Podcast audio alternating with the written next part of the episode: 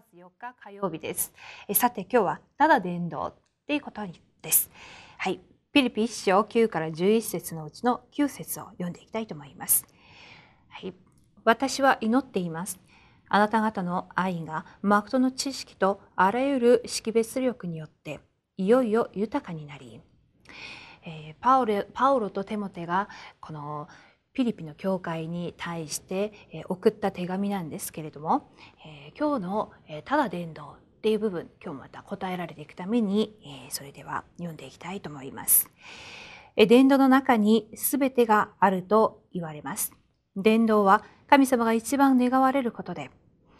え伝道の中に私たちの答え、健康、生活、祈りなどの全てがあるからです。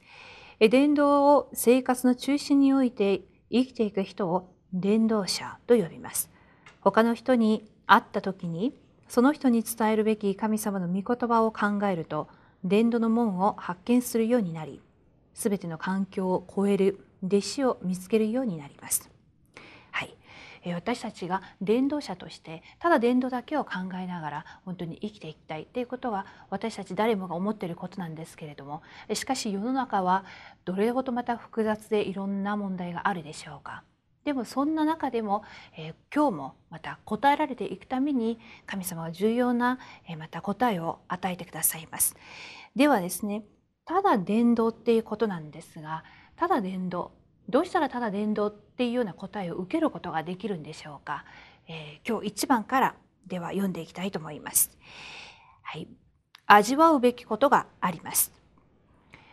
ただ伝道を考えながら神様が私たちと共におられることを味わうべきです。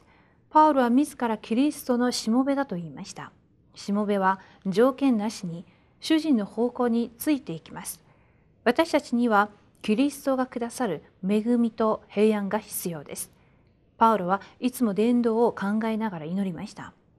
神様と共にする祝福を具体的に味わっていたのです。はい。で、大きな2番です。捨てるべきことがあります。ただ伝道を考えれば、誠に優れたものを見分けることができるようになり、価値のないことでことがわかるようになるので、捨てるべきことが見えてきます。伝道以外に生じるすべての動機、不信仰、人間主義を捨てなければなりません。そうすれば働きは起きます。他の人が助けを求めるなら協力すればよいのです。他の人と葛藤が生じるなら譲る譲ればよいのです。お手伝いをするときには常識的に最善を尽くせばよいのです。重要なことはただ伝道です。伝道のために全てを譲り、助け、使えればよいのです。はい、よくこの間劉先生もお話をされたんですけれども水のコップの中に水と空気があるとしたらその中に目に見えない空気を思いっきり自分で抜こうと思っても抜けそれを抜くことはできないっていうことでした。しかしいつその空気が抜けていくかコップの中の水をその水があふれるまでずっと水を入れれば空気は自然と出てくるっていうことでした。私たちの中にいろんな動機や不信仰人間主義もちろんこれはないっていう人はいないと思いますしかしこれをこれを契約の中で今日の御言葉と祈りと伝道の中で一つずつまたやっていく上にそれは精霊の満たしとともに一つ一つがなくなっていくと思います。だから結局動機を捨てることも不信仰を捨てることも神様にそういう人間主義を捨てることもこれも自分の努力ではうまくいかないという部分だと思います。今日ですね皆さん、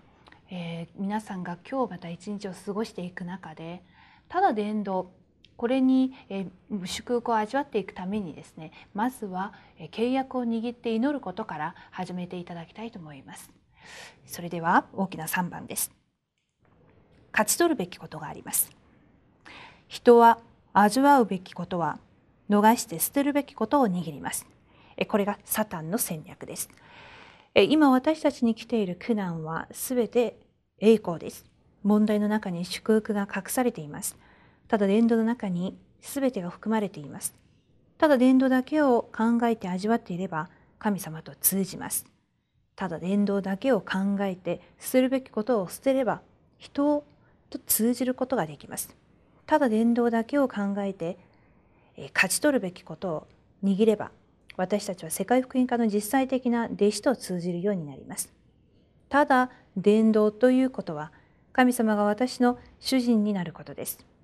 私たちの本業は伝道でそれ以外は副業です。はい、今日ただ伝道っていう部分を読んでいきましたけれども、はい、皆さん今日ですね、私たちの中にある動機、不信仰、そして人間主義、このような部分を一つ一つ捨てていくために精霊に満たされるように願います。結局ですね、えこのような答えを受けることによってこのピリピの人たちも弟子として答えられていきそして結局ローマ書16章に現れてくるようなその世界福音化のそのメインのメンバーとして答えられていくそのような結論に至りました。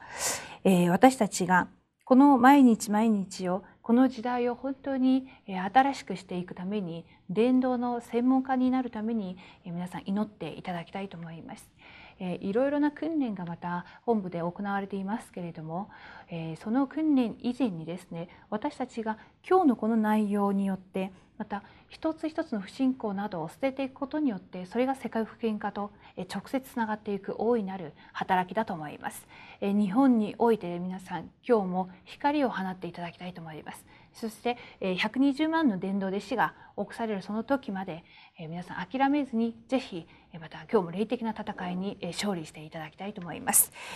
はい、さて今日のフォーラムです。ただ伝道を考えながら今自分が味わうこと捨てること勝ち取ることについて黙想しながら書いてみましょうと書いてあります。はい、それでは皆さんお祈りをして終わりにしたいと思います。神様ありがとうございます。今日もただ伝道っていう御言葉を与えてくださいました。私たちが本当に味わうべきこと、